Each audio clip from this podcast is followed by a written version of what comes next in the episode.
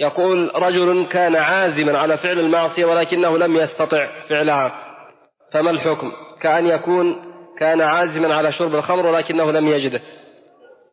إذا هم الإنسان بالمعصية ولكنه لم يفعلها فله ثلاث حالات. انتبه الحالة الأولى أن يتركها عجزا عنها فهذا له حكم الفاعل لقول النبي صلى الله عليه وسلم إذا التقى المسلمان بسيفيهما فالقاتل والمقتول في النار. قالوا يا رسول الله هذا القاتل فما بال المقتول؟ قال لأنه كان حريصا على قتل صاحبه.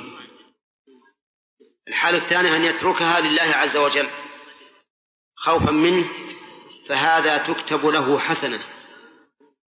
لقول النبي لقول النبي صلى الله عليه وسلم من هم بسيئة فلم يعملها كتبها الله حسنة كاملة وذلك لأنه تركها لله. الحال الثالثة أن يترك المعصية لأن نفسه طابت منها لا لله ولا عزا عنها فهذا لا له ولا عليه.